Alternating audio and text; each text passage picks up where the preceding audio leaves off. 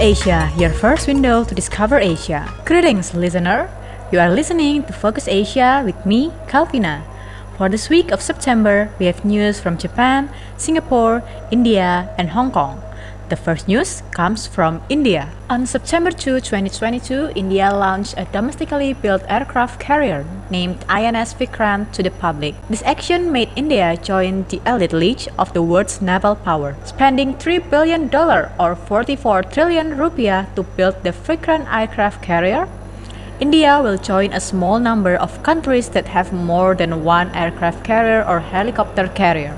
It is also the third country after the UK and China to have operated a domestically built aircraft carrier in the last three years. John Bradford, senior fellows at the S. Rajaratnam School of International Studies in Singapore, said India's commitment to the ship reflected its long-term vision of maintaining a world-class naval force. The INS Vikrant joins the carrier INS Vikramaditya, a refurbished Soviet-era carrier purchased from Russia in 2004 in the Indian fleet. Weighing around 40,000 tons, the INS Vikrant is slightly smaller than the INS Vikramaditya and the US, Chinese, and British aircraft carriers, although it is bigger than the Japan carrier. It also got praise from the researchers due to its great firepower potential.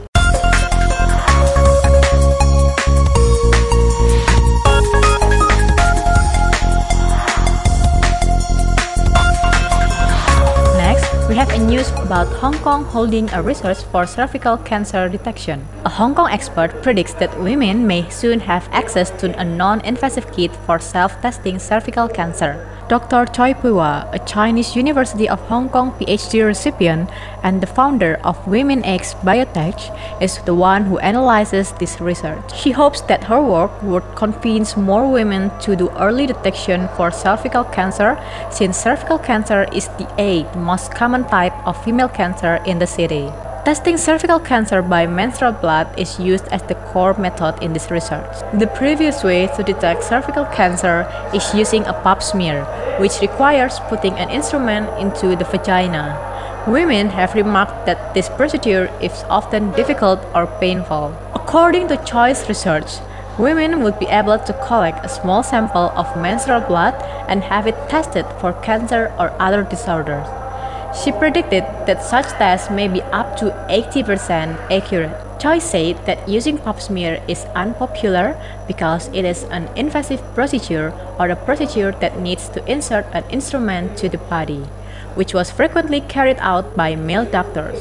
Therefore, she chose to explore her concept to find the best and easy way for women to test cervical cancer. In 2025, Choi believes that the sanitary pad and test kit combo that she and her teams developed will be accepted by authorities and sold at retail with the cost of 300 Hong Kong dollars.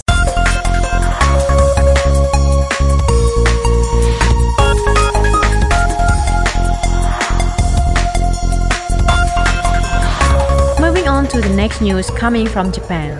Yoshimi Yamashita set a record as the first female referee in the J League. She was the referee at a third division match between YSCC Yokohama and Tegevajaro Miyazaki on Sunday.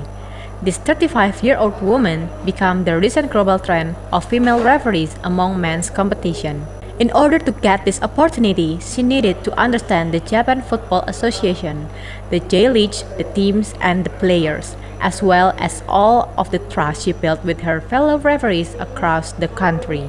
Yamashita's performance in the 2-0 victory by Tegevajaro Miyazaki at Yokohama's Mitsuzawa Stadium was praised by Toshiyuki Mayuzumi, the head of the JFA referee committee. Yamashita initially chose to enter this field in college after accepting an invitation from her classmate and fellow referee Makoto Bozono. She has quickly progressed through the ranks, making history in 2019 when she became the first female referee to oversee an Asian Football Confederation men's club match before overseeing two matches at the FIFA Women's World Cup. She was added to the J League referee list in December after leading matches in the JFL, the national amateur competition that comes before the J League. Yamashita expects that being in the spotlight, her fellow female referee will receive more attention, better circumstances will be created for their professional development, and there will be more possibilities on the field.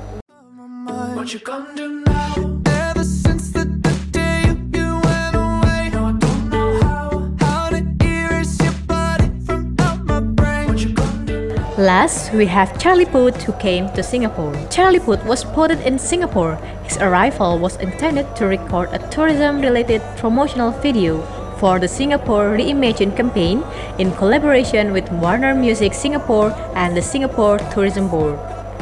The video will show off Singapore's sight and sound will be posted in October 2022 on STB and Charlie Puth's social media account. It highlights Charlie Puth's travel across Singapore, including his visit to local places like Joo Chiat and Marina Bay.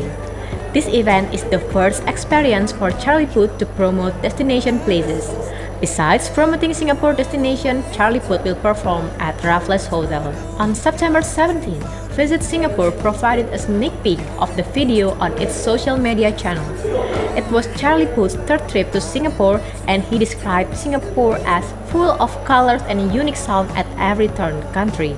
He continued by saying that this particular visit was extraordinarily special because he was able to narrate a story via music by using the specific of Singapore's everyday life. The news from Charlie Puth closes this week's episode.